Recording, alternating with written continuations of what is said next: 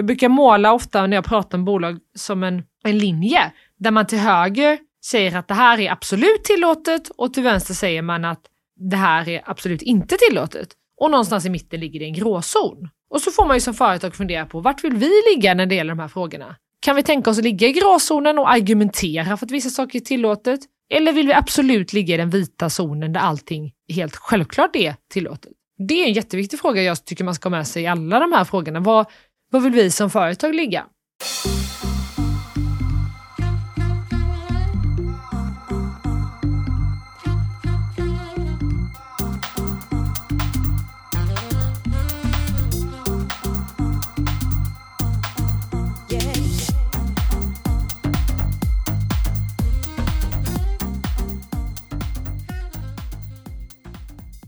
Välkommen tillbaka till Digital marknadsföring med Tony Hammarlund.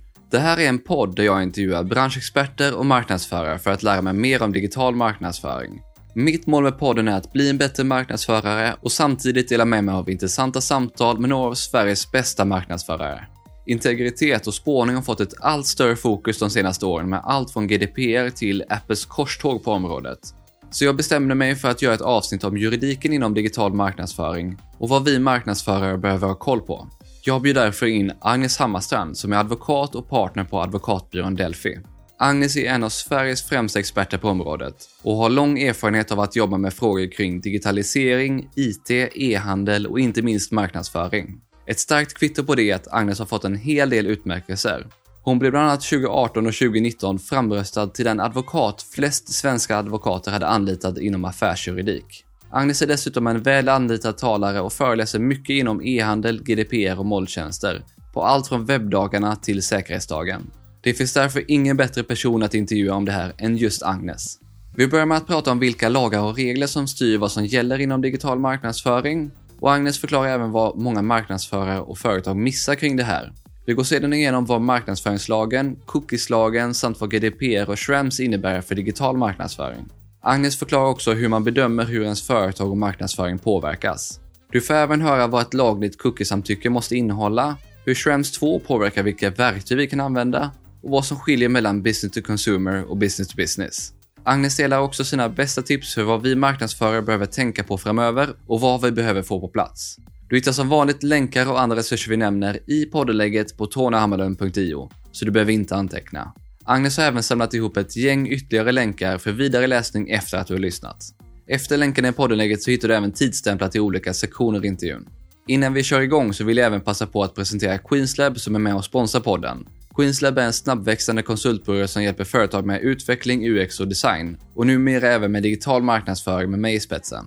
Så kolla gärna in oss på queenslab.se och hör av dig om du vill snacka mer. Och följ oss gärna på LinkedIn. Nu kör vi igång avsnittet. Agnes börjar med att förklara vilka lagar och direktiv som styr vad som är tillåtet inom digital marknadsföring. Framförallt är det dels GDPR naturligtvis, dels eh, cookies-lagen som den kallas i Sverige och eh, cookies-direktivet. Det är direktiv som har cookies-regler i sig. Och dels marknadsföringslagen.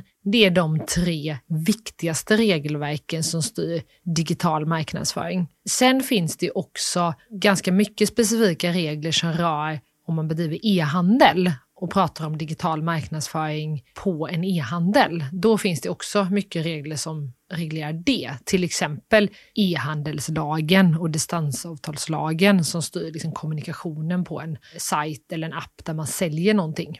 Ja, men då tänker jag att vi kan gå igenom de här var för sig här. Men vad skulle du säga, vad finns det som många missar inom de här områdena eller som många gör fel? jag tror många missar att liksom göra sin hemläxa och få liksom den här grundläggande kollen. Det kanske låter som ett konstigt eh, svar, men det är ofta ganska enkla bassaker man behöver ha koll på, men som många inte känner till.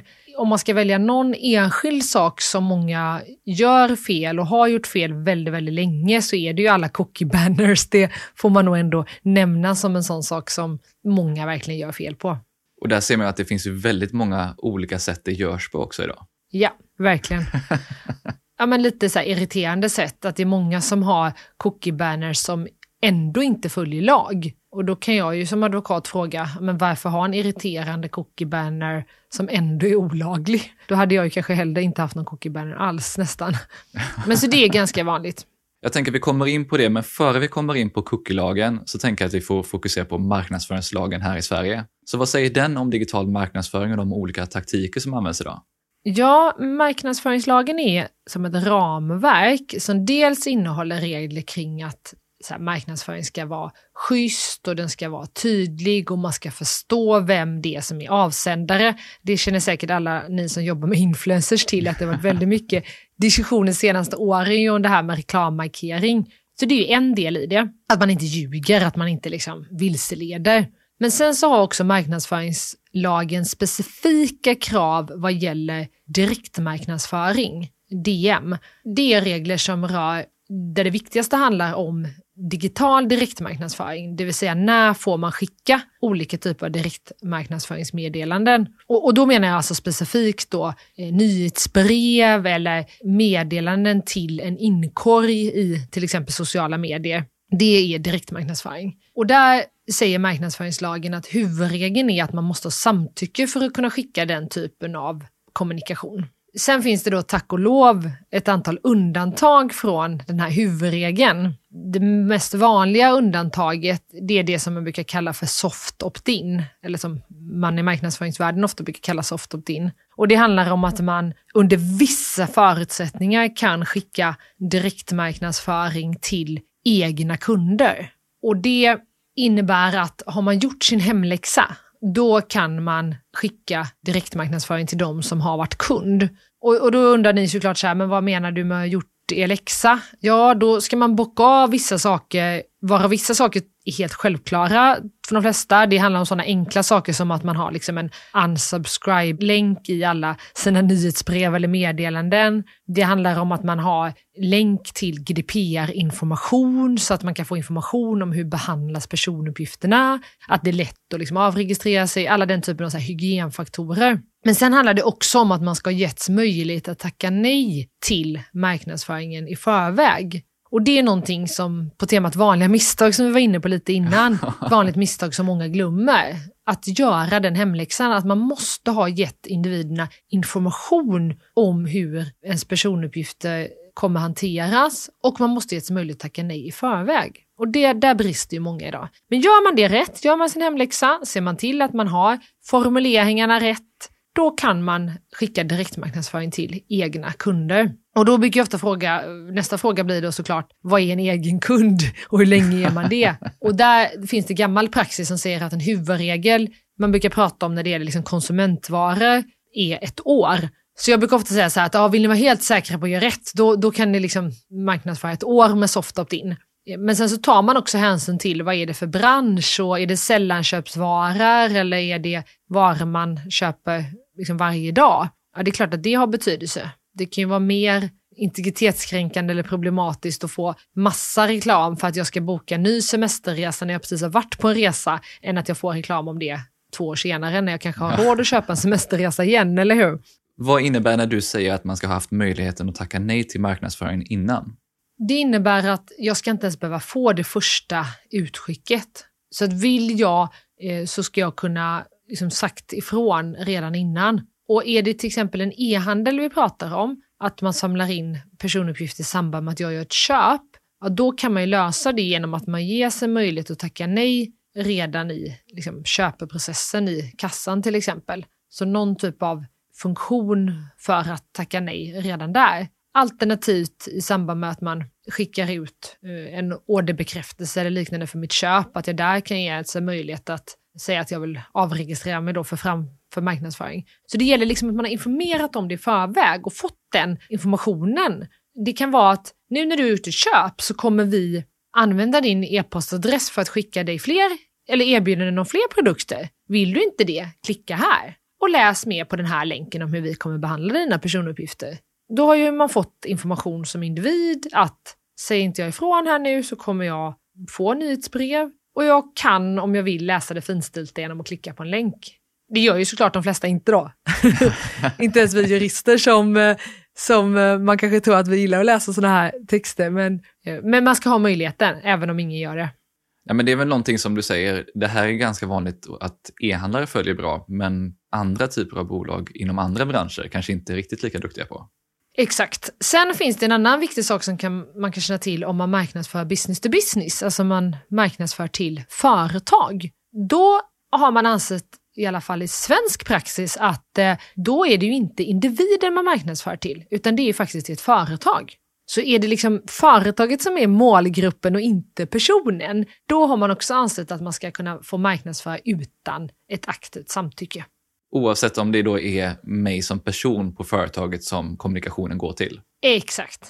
Och där brukar många fråga så här, men är det då beroende på om det är en företagsmail eller om det är en gmail som man använder sig av eller vad är det som avgör det? Men då brukar jag säga att nej, det avgörande är vad syftet är. Det vill säga, det går bra att skicka reklam till mig om någonting som innebär att vi ska åka på en mässa med mitt eh, team för att marknadsföra liksom, techjuridik eller vad det nu kan vara. Men det är inte okej okay att skicka reklam för att jag ska köpa en ny soffa. Det spelar ingen roll om ni mejlar till min Delphi-mail, ni får fortfarande inte göra det. Så det avgörande är liksom syftet, vem är det som ska stå för notan i slutändan? Vem är det man vill marknadsföra mot? Inte vilken mejladress man använder sig av då. Finns det några andra viktiga saker som vi marknadsförare behöver ha koll på inom marknadsföringslagen tycker du? Ja, det är väldigt mycket kopplat till om du ger konkreta erbjudanden. Det vill säga, då gäller det ju att är det ett erbjudande om ett köp så ska ju det vara liksom ja, men korrekt presenterat, det ska finnas prisinformation, man ska inte vilseleda, man ska inte ha rea för ofta. Det är också ett vanligt misstag man gör online, att man prissänker produkter hela tiden på ett sätt som inte är tillåtet. Så det är vanliga misstag när det gäller liksom köperbjudanden och sånt. Sen är det ju allt det här kring influencers som är jättestort och som vi jobbar mycket med.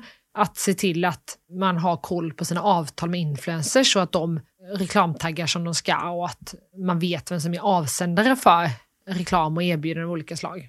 Är det just reklammärkningen när det gäller influencers som är det viktiga eller finns det något annat som också är viktigt?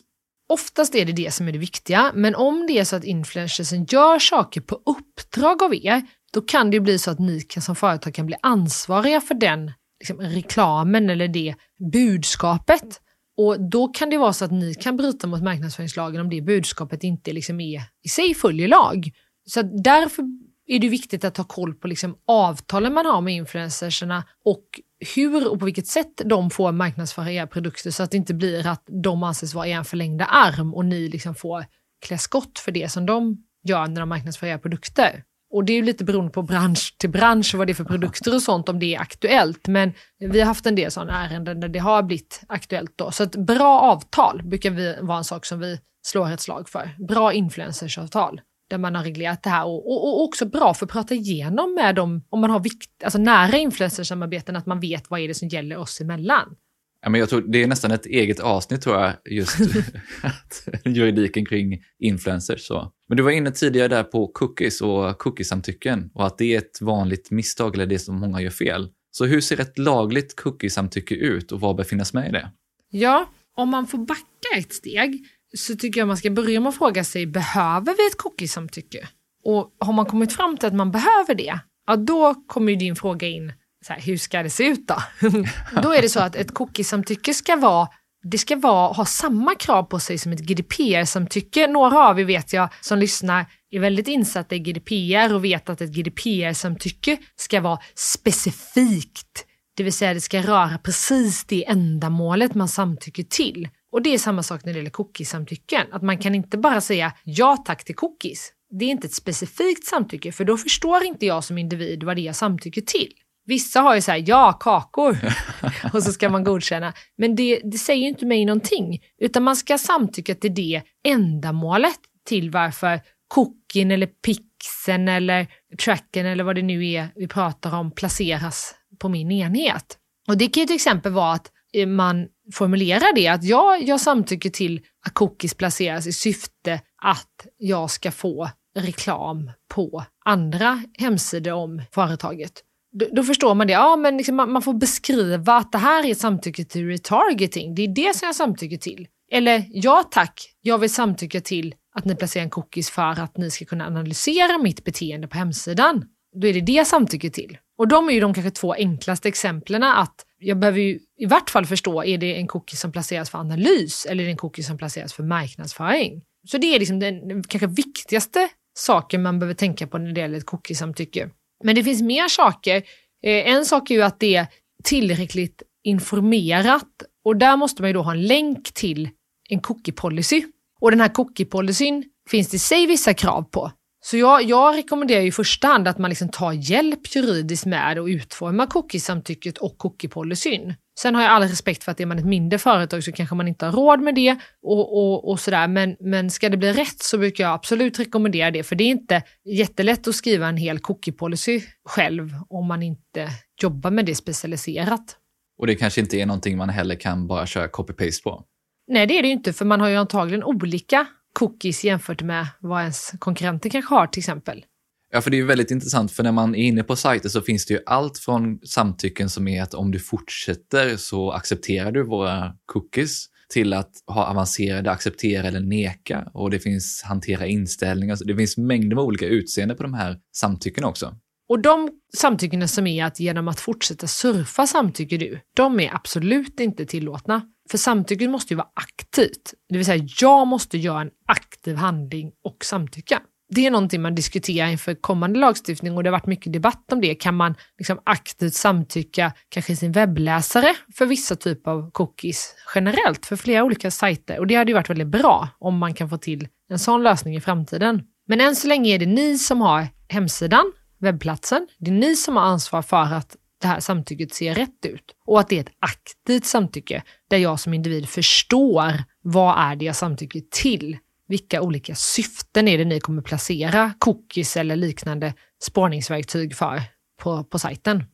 Finns det något mer än just för analys eller för marknadsföring som man behöver ge möjligheter att välja när det gäller cookies?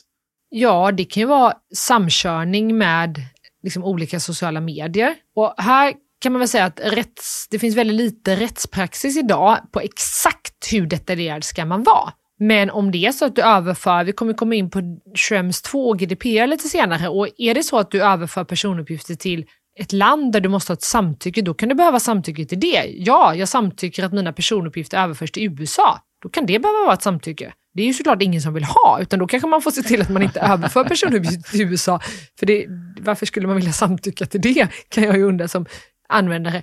Men det är inte helt givet så här, hur brett får samtycket vara. Kan man säga att ja, tack till digital marknadsföring? Antagligen inte, utan i många fall skulle jag säga att ska man följa lagen så behöver man ha ja tack till att ni fortsätter marknadsföra mig och dela mina personuppgifter till Facebook för att de ska kunna marknadsföra med mig. Eller ja tack till att ni kopplar ihop min IP-adress eller mina, min data med min mailadress som jag också fyllde i på ett formulär här för att ni ska kunna marknadsföra mig via e-post. Alltså, det finns ju så många olika sådana här verktyg man kan använda sig av. Och beroende på vilket så behöver man också då se till att användaren förstår. När vi jobbar med företag, då brukar vi försöka liksom ge, titta på så här, vad är det man vill göra? Och det är väl mitt råd egentligen. Fundera på vad är det ni vill göra? Börja med att stolpa ner det. Vilka olika typer av marknadsföringsverktyg vill ni ha? Så här, jo, men vi vill ha retargeting och sen så kanske det inte bara är marknadsföringsverktyg utan det kanske är analys. Vi vill kunna använda den här custom ordenstjänsten kanske. Och sen när man har det nerskrivet, då kan man ju fundera på så här, ha, men är det några av de här som faktiskt är liksom samma sak som man möjligtvis skulle kunna då liksom säga att man samtycker till det ihop? Är det inte det, men då krävs det ett samtycke till varje sån här liksom syfte. Hur tydligt behöver då samtycket vara? För du pratar ju att man har ju en cookie policy som man kan läsa den fulla versionen. Hur mycket behöver vara i själva samtycket som kommer upp på skärmen? Tillräckligt mycket så att man förstår de här olika ändamålen.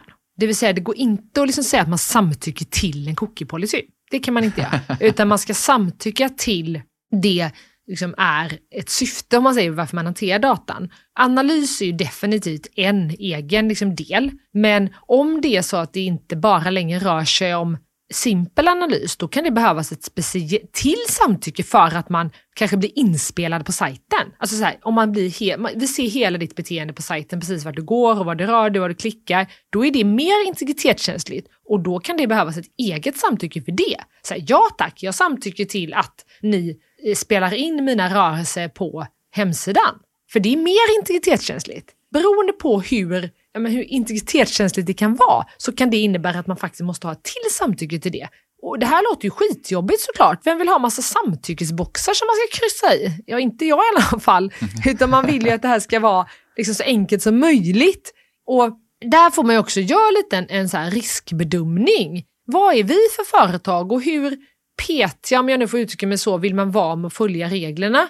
Och självklart ska man följa de regler som gäller, men det är klart att vissa företag kanske väljer att ha en approach där det är superviktigt att det absolut inte går att säga att man ligger i en gråzon. Ja, då rekommenderar jag ju att man har, verkligen är noga med att ha liksom ett samtycke per funktion. Medan vissa företag kanske säger så här, nej men vi är beredda att argumentera för, att, för vår syn och vi är medvetna om att det här är inte prövat rättsligt ännu om det är okej okay att baka samman ja, men två typer av marknadsföring kanske till ett samtycke. Vi vet att det inte är prövat, men vi är beredda att ligga i en gråzon och, och därför så, så kör vi på det konceptet. Men jag tycker det är viktigt att man gör det här med öppna ögon, för det är det jag har märkt att många företag har inte kunskap om vad är rätt och vad är fel. Och då blir det också svårt att göra en medveten bedömning. Alltså det är upp till er som företag att välja vilken riskapproach vill vi ha?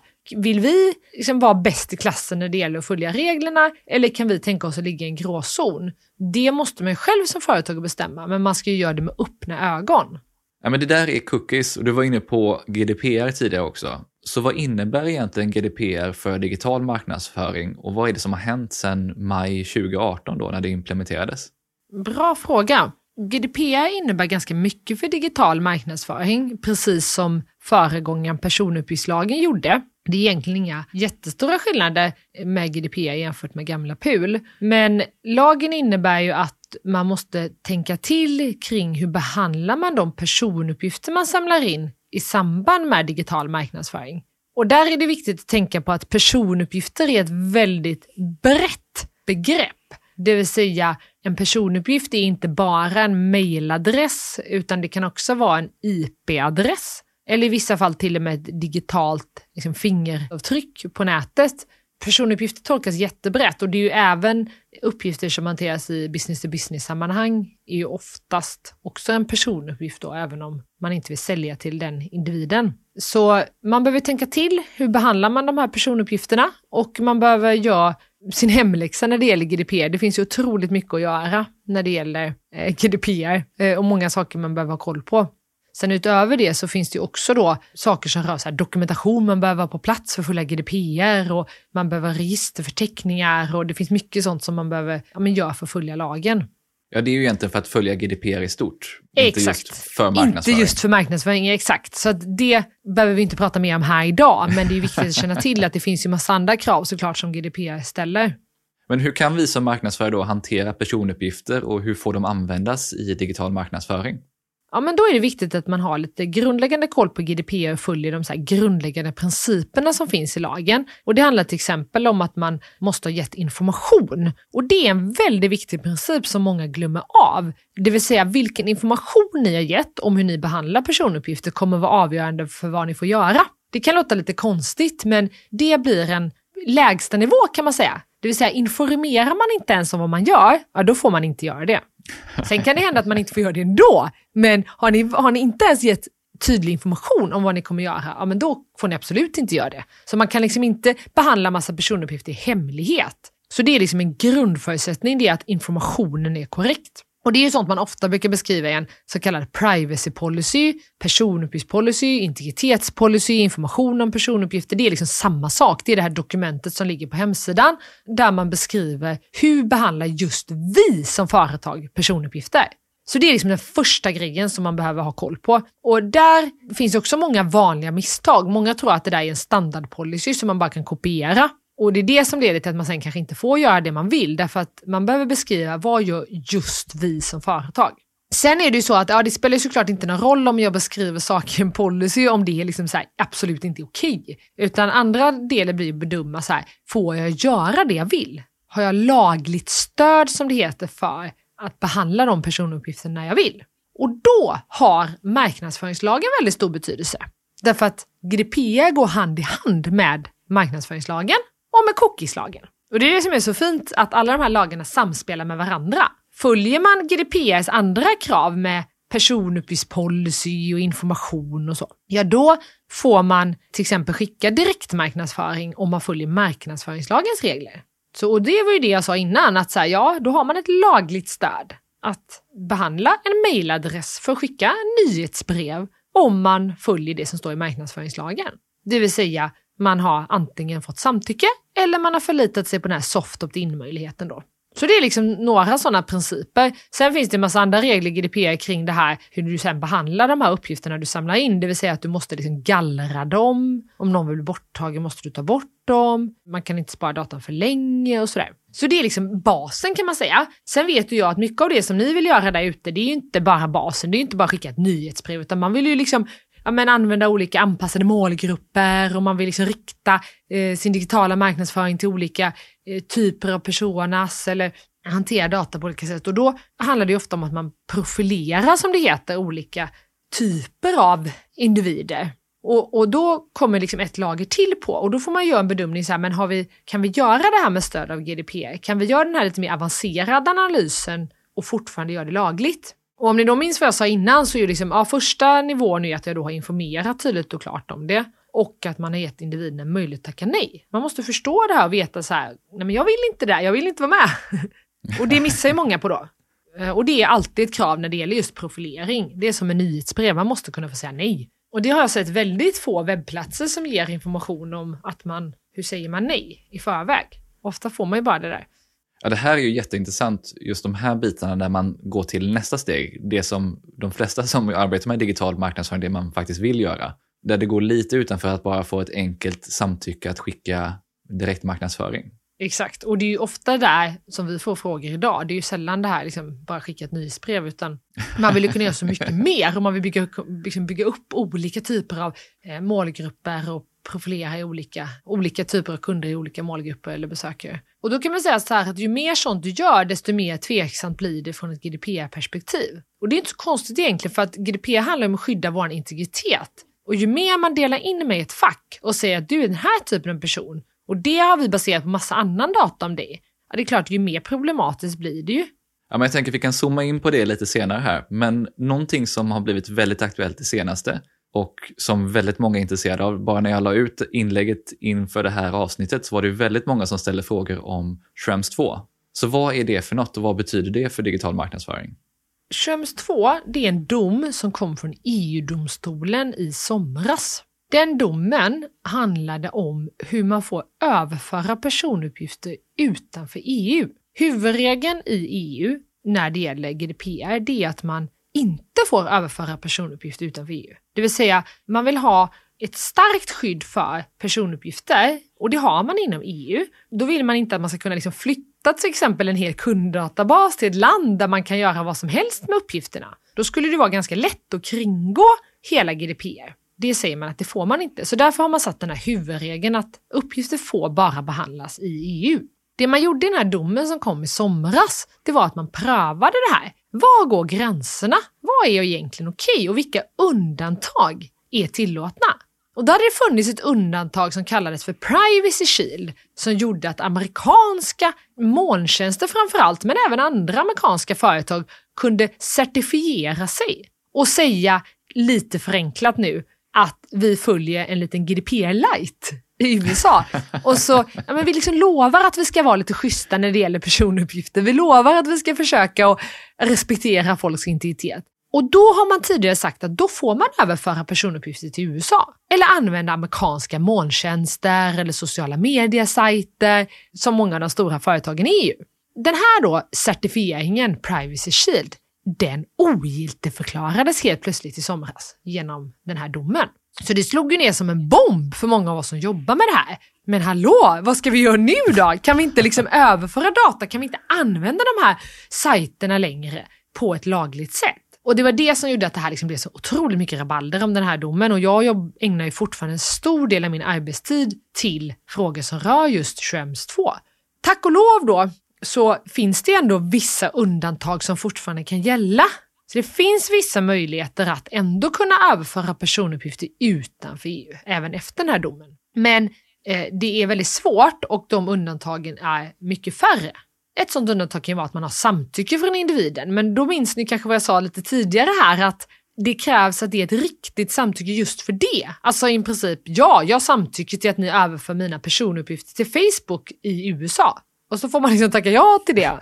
Det är ju ingen som vill så. Så det liksom hade varit ett undantag. Ett annat undantag det är att man ingår ett speciellt avtal. Det kallas modellklausulsavtal, eller SCCs.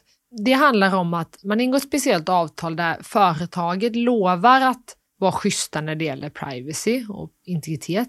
Och då sa man också i den här domen i somras, alltså EU-domstolen sa, att det räcker inte att bara ingått det där avtalet om landet inte respekterar integritet.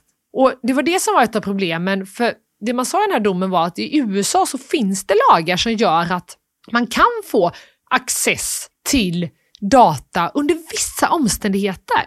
Och Sådana lagar finns i de flesta länder, till exempel om det är så risk för terrorism eller man behöver uppgifter för rättegångar eller domstolar. Då kan man begära ut data. Det har vi liknande regler i Sverige också. Problemet var bara att i USA så kan en amerikansk domstol i vissa fall begära att få ut sån information även från dotterbolag till de amerikanska bolagen som är etablerade inom EU. Då innebär ju det att i vissa fall så skulle uppgifter kunna överföras till USA även om företaget inte vill det. Alltså man skulle kunna bli liksom ålagd som företag att lämna ut viss data. Så summan av allt det här, det här är en ganska komplicerad dom och man kan prata länge om den och det finns mycket, liksom, mycket man kan säga om den, är att det är inte lika lätt att använda sig av molntjänster eller sociala mediesajter där datan hanteras utanför EU och speciellt inte då i USA. Men det ställer ju också det på, lite på sin spets för att många av de verktygen som vi använder idag och många av tjänsterna som vi använder som marknadsförare är ju just amerikanska tjänster. Då kan man säga att det som många av de amerikanska tjänsterna försöker göra nu, det är att man försöker etablera funktioner så att personuppgifterna inte lämnar EU, utan att man respekterar de här grundläggande principerna att uppgifterna inte till exempel ska hanteras i USA. Och det är liksom ett steg att närma sig det här att datan inte flödar hur som helst mellan länderna som det varit innan. Och det är liksom en viktig princip. Många anser just nu att det liksom inte räcker därför att i vissa fall kan ju ändå amerikanska myndigheter begära att få ut den informationen. Och det här är någonting som man som sagt stöter på även när det gäller alla typer av så verktyg man använder, alltså olika molntjänster av olika slag. Och där är det viktigt att är man kund, som många av er som lyssnar är, alltså man är ett svenskt företag och man funderar på så här, vad, vad, vad kan vi göra då? Hur ska vi hantera det här? Ja, gäller det molntjänst så är det viktigast att titta på vad säger avtalet? Har vi garantier här på att det här bolaget kommer hantera all data inom EU? Om man har det och det enda problemet som kvarstår det är att bolaget är dotterbolag till till exempel ett amerikanskt bolag, då finns det väldigt goda argument för att det ska räcka men där är just nu rättsläget oklart. Jag personligen är av uppfattningen att eh, det finns eh, väldigt goda argument för att du ska kunna använda dig av tjänster till till exempel amerikanska dotterbolag. Men det gäller ju då att man har tillräckliga garantier i avtalet att inga personuppgifter kommer lämna eller accessas ens på distans, inte på något sätt kommas åt från ett land utanför EU. Och det är många tjänster som inte har så bra villkor och inte har garanti om det idag. Ja, för om vi blir ännu mer konkreta kring det här då, hur är det med analysverktyg som vi varit inne lite på innan? Ja, då behöver man titta på vad säger villkoren för det analysverktyget man vill använda. Det är det första man måste göra. Vad säger villkoren? Kommer personuppgifter överföras utanför EU? Om svaret är ja, att det står uppe i, i avtalen att personuppgifter kan överföras utanför EU, då behöver man fundera på, är det något av de här undantagen som kan gälla? Och då har man ofta specialavtal, de här villkoren som gör att, som kallas då standardavtalsklausuler. Och det i sig kan göra att det kan bli tillåtet om datan som överförs eller kan accessas från utlandet är i halvanonym form. Man brukar kalla det pseudonymiserad data. Och vad menar jag med det? Jo, men det är data som gemene man inte kan avslöja vem det är. Så en IP-adress till exempel kan vara en sån pseudonymiserad personuppgift. Så handlar det om analysverktyg, om man nu ska sammanfatta det här, för jag förstår att det här är lite komplicerat, som bara hanterar IP-adresser. Bara hanterar data som ni i vardagligt tal skulle säga är anonym, alltså där ni inte kan se vem är det här, ni kan inte veta vem ligger bakom den här IP-adressen, då går det ofta att lösa så att man kan använda amerikanska verktyg. Men det gäller ju då att avtalen är korrekta, vilket de historiskt sett sällan har varit. Just det här om analysverktyg är en fråga som kommer tillbaka om och om igen. Så vad är din rekommendation till mig och de andra marknadsförarna som lyssnar? Hur vi ska agera här? Börja med att kolla på vad avtalen säger. Om tjänsten innehåller en garanti att det bara kommer behandlas personuppgifter inom EU och avtalen i övrigt såklart liksom, funkar då, då kan ni ju använda den typen av tjänster. Om avtalen inte innehåller en sån garanti utan att personuppgifter kan behandlas även utanför EU, då behöver ni se till att de här undantagen är tillämpliga, det vill säga att man har det här så kallade standardavtalsklausulerna som ingår, det är alltså att, att avtalet på vanlig svenska har med det det ska ha med. Och om det rör data till USA, att uppgifterna inte kan hamna hos USA i läsbar form. Det vill säga, där behöver man se till att det är anonym data eller data som i vart fall är liksom halvanonym, pseudonymiserad som man kallar det då. Eh, det kan vara att det är en IP-adress eller liknande. Så att om det är amerikanska tjänster där data kan överföras till USA, då behöver ni se till att uppgifterna inte har liksom läsbara personuppgifter kopplat till sig. Till exempel att man inte har ett inloggningsformulär, man fyller i sin mailadress och så kopplas den ihop med IP-adressen och analyseras i verktyget. För gör det det, då kommer det inte vara lagligt enligt nuvarande regler. Superbra svar där. Jag förstår att det här är ett jättesvårt område och en svår fråga att svara på, framförallt nu när det fortfarande är så nytt. Du har på något sätt också svarat på min nästa fråga som är om marketing automation-verktyg och CRM-system och så vidare, där man faktiskt hanterar riktig persondata eller personuppgifter. Och där är det ju väldigt mycket amerikanska verktyg också. Går de här överhuvudtaget att använda framöver? Ja, det gör de om det är så att leverantören av molntjänsten, som det ofta handlar om då, garanterar att personuppgifter bara kommer behandlas inom EU. Och det är ju fler och fler leverantörer som tvingas lämna den typen av garantier. Då går det att använda. Men om det fortfarande är de gamla avtalen som man hade tidigare, som fortfarande en del sådana här leverantörer har, eh, då går det ju inte att använda de tjänsterna lagligt. För man kan inte skriva under avtal som säger att det överförs personuppgifter till till exempel i USA på ett sätt som inte är lagligt. Nu blir det mycket prat om USA här. Det här är ju samma bedömning kring andra länder också. Det är bara det att många av de här tjänsterna råkar vara just amerikanska då. Så det är viktigt att läsa avtalen och det är viktigt att göra sin hemläxa. Så det gäller helt enkelt att inte klicka vidare från de här avtalen bara när man ska börja använda verktygen? Exakt. Och tänk också på att när jag säger behandling av personuppgifter så är det inte bara lagring. För det är ett väldigt vanligt misstag man gör. Det är att man tänker att ja, de har skrivit på sin hemsida att vi lagrar alla dina personuppgifter i EU. Ja men det är jättebra. Då har vi liksom halva hemma, om man nu får uttrycka sig så. Men det räcker inte. Därför att om det ändå är så att det överförs data eller data kan accessas, till exempel från en helpdesk eller en support eller en, eh, någon typ av digital överföring sker, då överförs det ändå personuppgifter. Så det gäller att man både vet att uppgifterna kommer lagras i EU, men också att de inte överförs på annat sätt då. Och den typen av överföring, är det någonting som också ska finnas med i avtalen? Ja. Om vi sammanfattar lite de här olika lagarna och reglerna som vi har pratat om här, hur gör man en bedömning av hur ens företag och hur ens marknadsföring påverkas av dem? Till att börja med så tycker jag man ska börja med att stolpa ner vilka olika typer av marknadsföringsverktyg man har. Gör en lista. Gör en lista över alla cookies eller pixlar eller trackerverktyg ni har. Det behöver ni ändå ha koll på för att följa reglerna.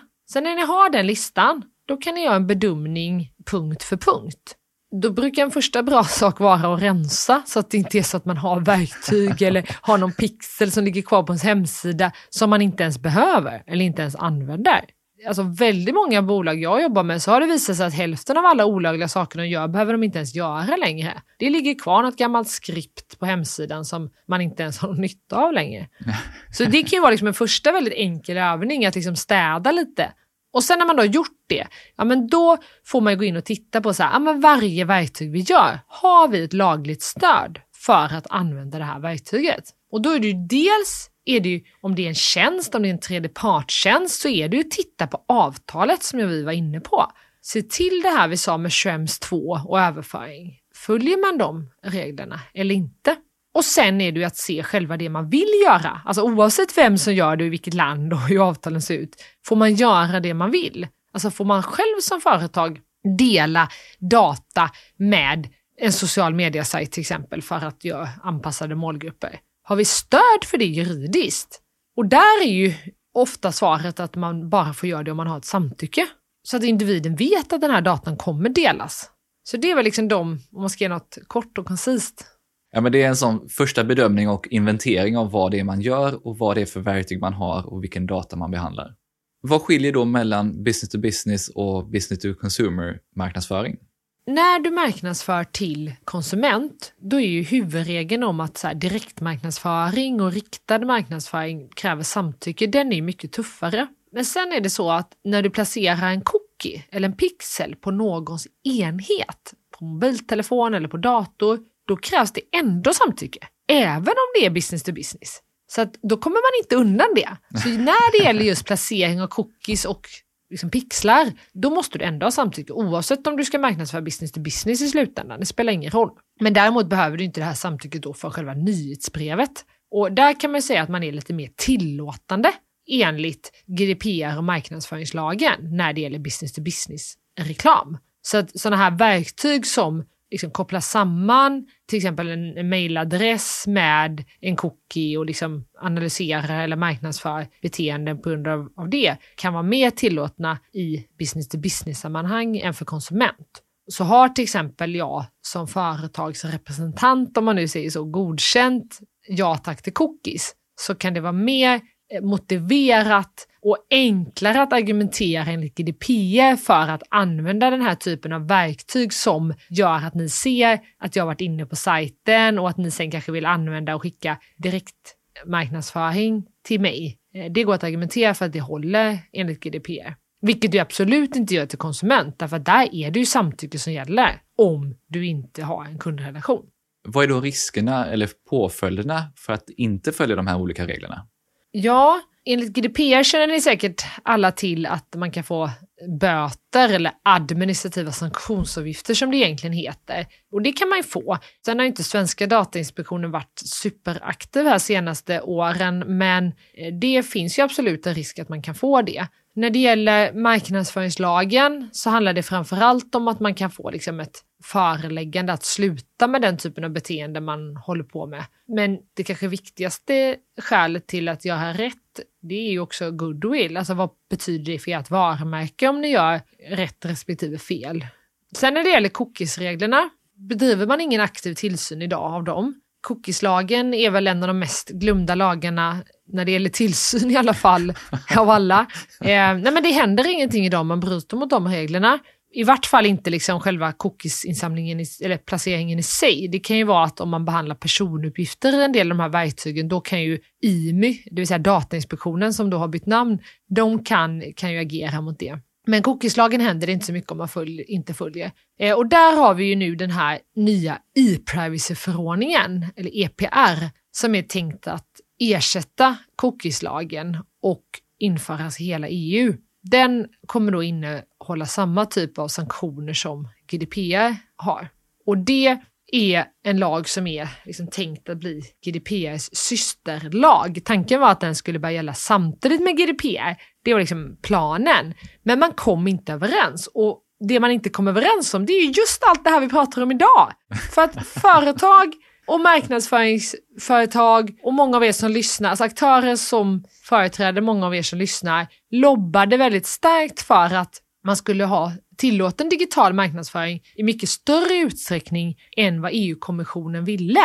Så det har varit en otrolig debatt och diskussion om e-privacy-förordningen och hur tuff den ska vara under flera, flera års tid. Och man kommer liksom aldrig till skott. Man kommer aldrig överens. Och det, det, är inte så konstigt egentligen för att det är ganska tuffa förslag och det finns ju massa positiva saker med anpassad och profilerad marknadsföring också. Om inte annat att vi slipper all irrelevant skitreklam i mycket större utsträckning. Så att det, det finns mycket åsikter om det här kan man säga. Man har på agendan att försöka få klart i privacyförordningen till sommaren. Jag personligen tror det när jag ser det, för det har varit så mycket prat om det här nu i så många år så att jag, ja, vi får se. Som sagt, jag tror det när jag ser det. Och det blir väldigt spännande för det påverkar ju jättemycket allt det vi pratat om idag. Antingen om det är exakt samma regler som gäller som jag har sagt, men man sätter ett bötespaket på alltihop. Det vill säga det blir precis som när det gäller GDPR, att man kan få administrativa sanktionsavgifter om man bryter mot cookiesreglerna. Och då finns det lite mer skäl att inte göra fel. Ja, helt klart. Då finns det en helt annan ambition och en motivation att göra någonting åt det också. Ja, vi får se. Men eh, det blir i alla fall en spännande, en spännande sak att hålla utkik efter här framöver. Om vi zoomar in lite till, för vi pratade lite tidigare om både profilering och vi pratar eh, custom audiences och så vidare. Så vad gäller till exempel när vi pratar pixlar och ar arbetar med retargeting och bygga målgrupper? Då är det så att de flesta av de här verktygen kräver ju att man har placerat någon typ av cookie eller pixel eller digitalt eh, fotspår på webbläsaren eller på enheten som man surfar ifrån. Och då gäller ju cookieslagen, det vill säga då krävs det samtycke. Och det är ju många företag som inte följer idag, uppenbarligen, det märker vi ju. Det är jätteviktigt att då ska man ha det här korrekta cookies-samtycket. Och då krävs ju dels någon typ av cookie-banner eller någon typ av pop-up eller någon typ av liksom information som jag måste aktivt samtycka till. Och sen så krävs det en länk till en cookies-policy. Så det är liksom det första kravet för att det här ska vara tillåtet. Det gäller egentligen för alla den här typen av verktyg där du placerar någon sån här eh, cookies eller pixel. Men i normalläget betraktas det här alltid som en cookie eller när man kopplar ihop det här till diverse sociala mediesajter? Blir det någon gång en personuppgift den här typen av retargeting eller målgruppsbaserade cookies? Det kan ofta bli både och. Därför att typiskt sett så är det ju inte idag längre en simpel cookie bara som placeras, utan det är ofta att man också behandlar IP-adressen eller att det här kopplas samman med till exempel mitt Facebook-ID eller någon annan typ av så här, ja, men, markör som kan kopplas till mig som individ. Och så fort det kan kopplas till mig som individ så blir det också en personuppgift och då gäller också GDPR. Så ofta har man liksom att göra med ja, men just både GDPR och cookieslagen men också marknadsföringslagen. Många av de här liksom, aktiviteterna som du kallar det anses inte vara liksom direktmarknadsföring i marknadsföringslagens mening, för det är liksom inte ett meddelande jag får till mig. Det är inte som ett nyhetsbrev eh, eller en, ett meddelande i min liksom inkorg på sociala medier eller på Messenger eller liknande.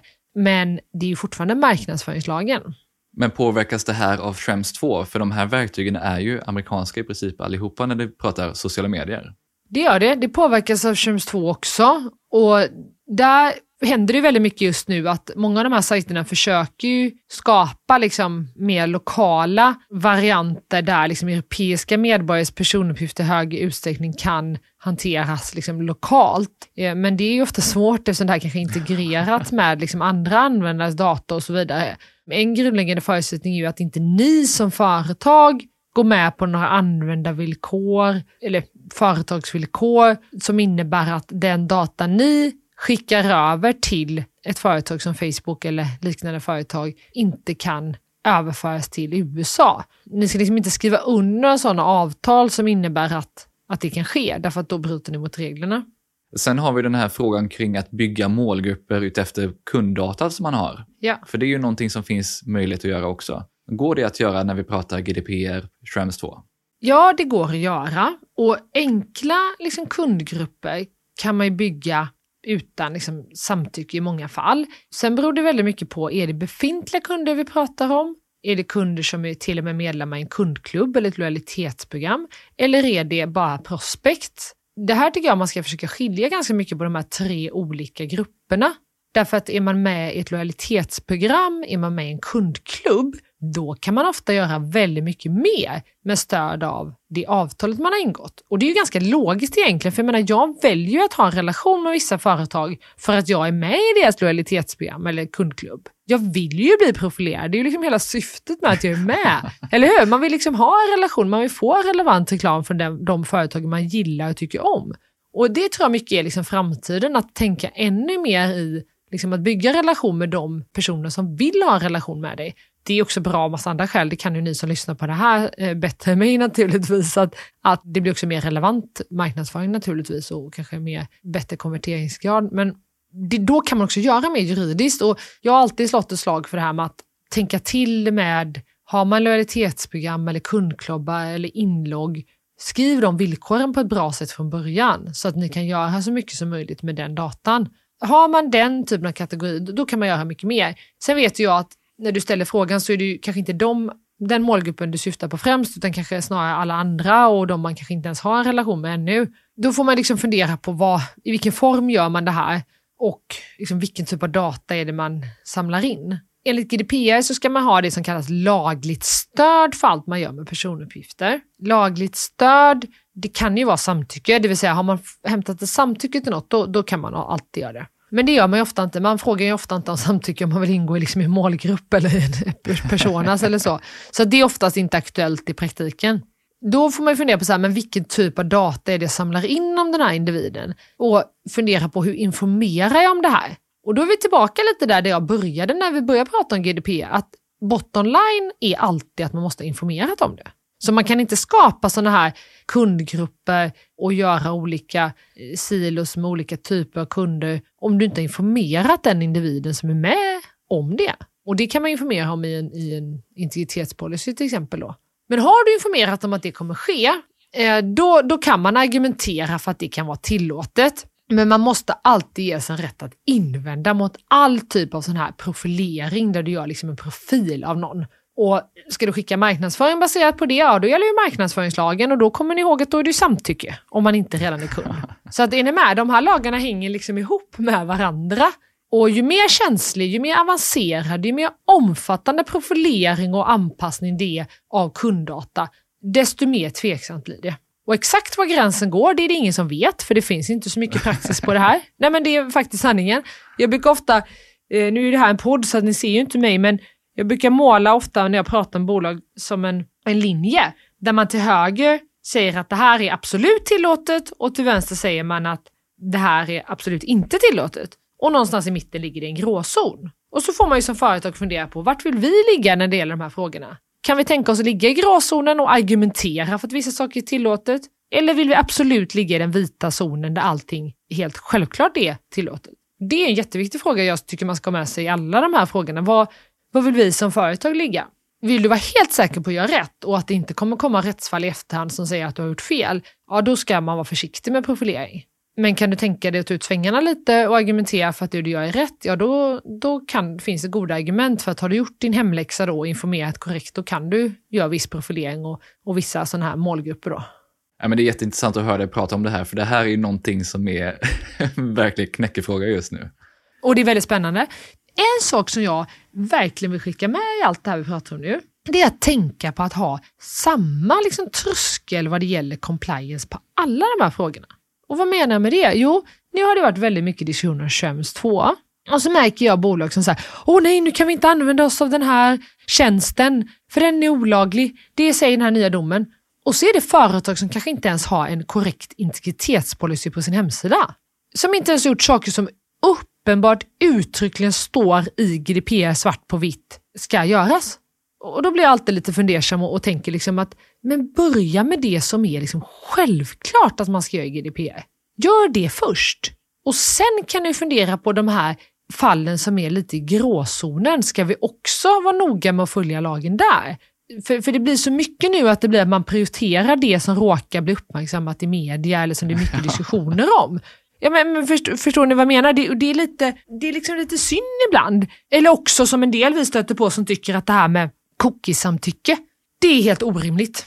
Vi förlorar för mycket omsättning på det. Nej men, nej men, det är väldigt vanligt. Det har jag liksom varje vecka är det någon som säger det till mig att vi kommer inte inhämta korrekta cookie-samtycken för det förlorar vi för mycket pengar på. Jaha, ja, jag kan ju inte säga så mycket. Jag är ju bara advokat. Jag kan ju liksom inte, jag kan inte om företag vill, vill inte följa reglerna så kan ju inte jag hjälpa det så att säga. Men det innebär inte att man ska inte tänka på andra saker man kan göra. Det är ju till och med tvärtom, att om du medvetet har valt att bryta mot reglerna på ett ställe, ja, då är det ju desto viktigare att se till att du har gjort din hemläxa på alla andra områden. För skulle det sen upptäckas att du har gjort fel, när det gäller då cookiesamtycket, och så har du inte ens en korrekt cookie-policy sen, eller en korrekt personuppgiftspolicy. Ja, då kanske det triggar ännu högre sanktioner enligt GDPR och i framtiden då i, i, i privacyförordningen. Och, och den där diskussionen har jag haft med jättemånga företag, att man tänker så här, åh nej, nu, nu, jag vill inte, jag vill inte lyssna på advokaterna för de har så mycket säger att det där är olagligt och det, det verkar så jobbigt och vi tappar för mycket pengar på det. Ja, fast om du medvetet bryter mot lagen på en punkt, då är det desto viktigare att du ser till att ha allt annat korrekt. Innan vi avslutar idag så vill jag bara passa på att kolla om du har några andra bra tips och råd till oss marknadsförare vad vi behöver tänka på framöver. Till att börja med, se över vilka personuppgiftsbehandlingar ni gör. Skriv in det i en bra personuppgiftspolicy som ni har tagit hjälp med en jurist att skriva. Ta fram en bra cookie-policy som ni har tagit hjälp med att göra så att den är korrekt juridiskt formulerad.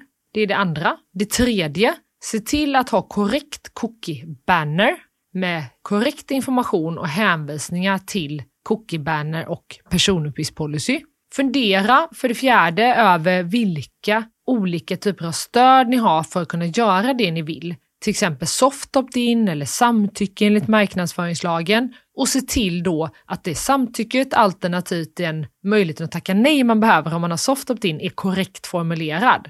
Och för det sista, se till att ni har koll på de avtalen ni har med olika typer av leverantörer eller sociala medieverktyg. Det är fem ganska konkreta tips. Sen ett sista tips som jag också tycker är viktigt, det är att ha kontroll själv. Eh, en del företag jag märker, de lämnar över till olika typer av marknadsföringsbyråer och ger dem mandat att placera cookies och pixlar och verktyg på sajten. Och så kanske marknadsföringsbyrån gör det, men där är det viktigt att man tänker på att det är ni som företag som alltid har ansvaret för det som era samarbetspartners gör på er sajt. Det kan också vara en bra sak att tänka på att man har sett till att reglera det. Vem gör vad och vem tar ansvar för vad på sajten? Ja, att man inte bara har ryggen fri själv på något sätt, utan att man även tar ansvar för vad ens partners eller de man anlitar gör. Exakt, för det är det eran sajt, då är det ert ansvar. Super, jättebra tips där Agnes. Stort tack för idag. Tack så mycket, kul att få vara med. Det här är ett superspännande område och det gäller verkligen att vi marknadsför koll på det här. För utan det kan det bli riktigt dyrt, både i form av badwill men också av böter. Så det var intressant att få prata med Agnes och få höra hur hon som advokat ser på de här olika frågorna inom digital marknadsföring. Och jag hoppas att du också tycker det är intressant. Den här gången hade jag verkligen mängder med anteckningar efter intervjun, så det var lite svårt att välja ut några specifika punkter. Men här kommer tre av mina främsta insikter. 1. Att en grundförutsättning för att arbeta med digital marknadsföring och behandla personuppgifter alltid är korrekt information och att samtycken behöver vara specifika för ändamålet. 2. Värdet av att göra en ordentlig inventering av vilka verktyg och taktiker man vill använda och se över vad som krävs före man skapar cookie och integritetspolicies. 3. Att göra en aktiv bedömning av var på riskskalan man som företag vill placera sig med sin marknadsföring. Vill man sätta integritet absolut främst eller kan man tänka sig att ta lite mer risk? Det här var mina tankar, men dela gärna dina insikter i en kommentar, ett meddelande eller ett mail. Och passa gärna på att skicka en kontaktfråga på LinkedIn om vi inte redan har connectat. Du hittar som vanligt länkar till allt vi nämnde i poddeläget på tonyhammarlund.io. Det finns bland annat en ordentlig samling med länkar till olika artiklar och resurser för vidare läsning. Och har du några ytterligare frågor till Agnes så kan du ställa dem i kommentarerna direkt in i poddeläget. Gillar du det här avsnittet och podden så vill jag som vanligt påminna om att prenumerera och tipsa gärna andra om podden. Avslutningsvis vill jag passa på att tacka Mikael på Newbridge Music som hjälper till med att producera podden och stå för musiken. Vi hörs snart igen med fler intressanta gäster och ämnen.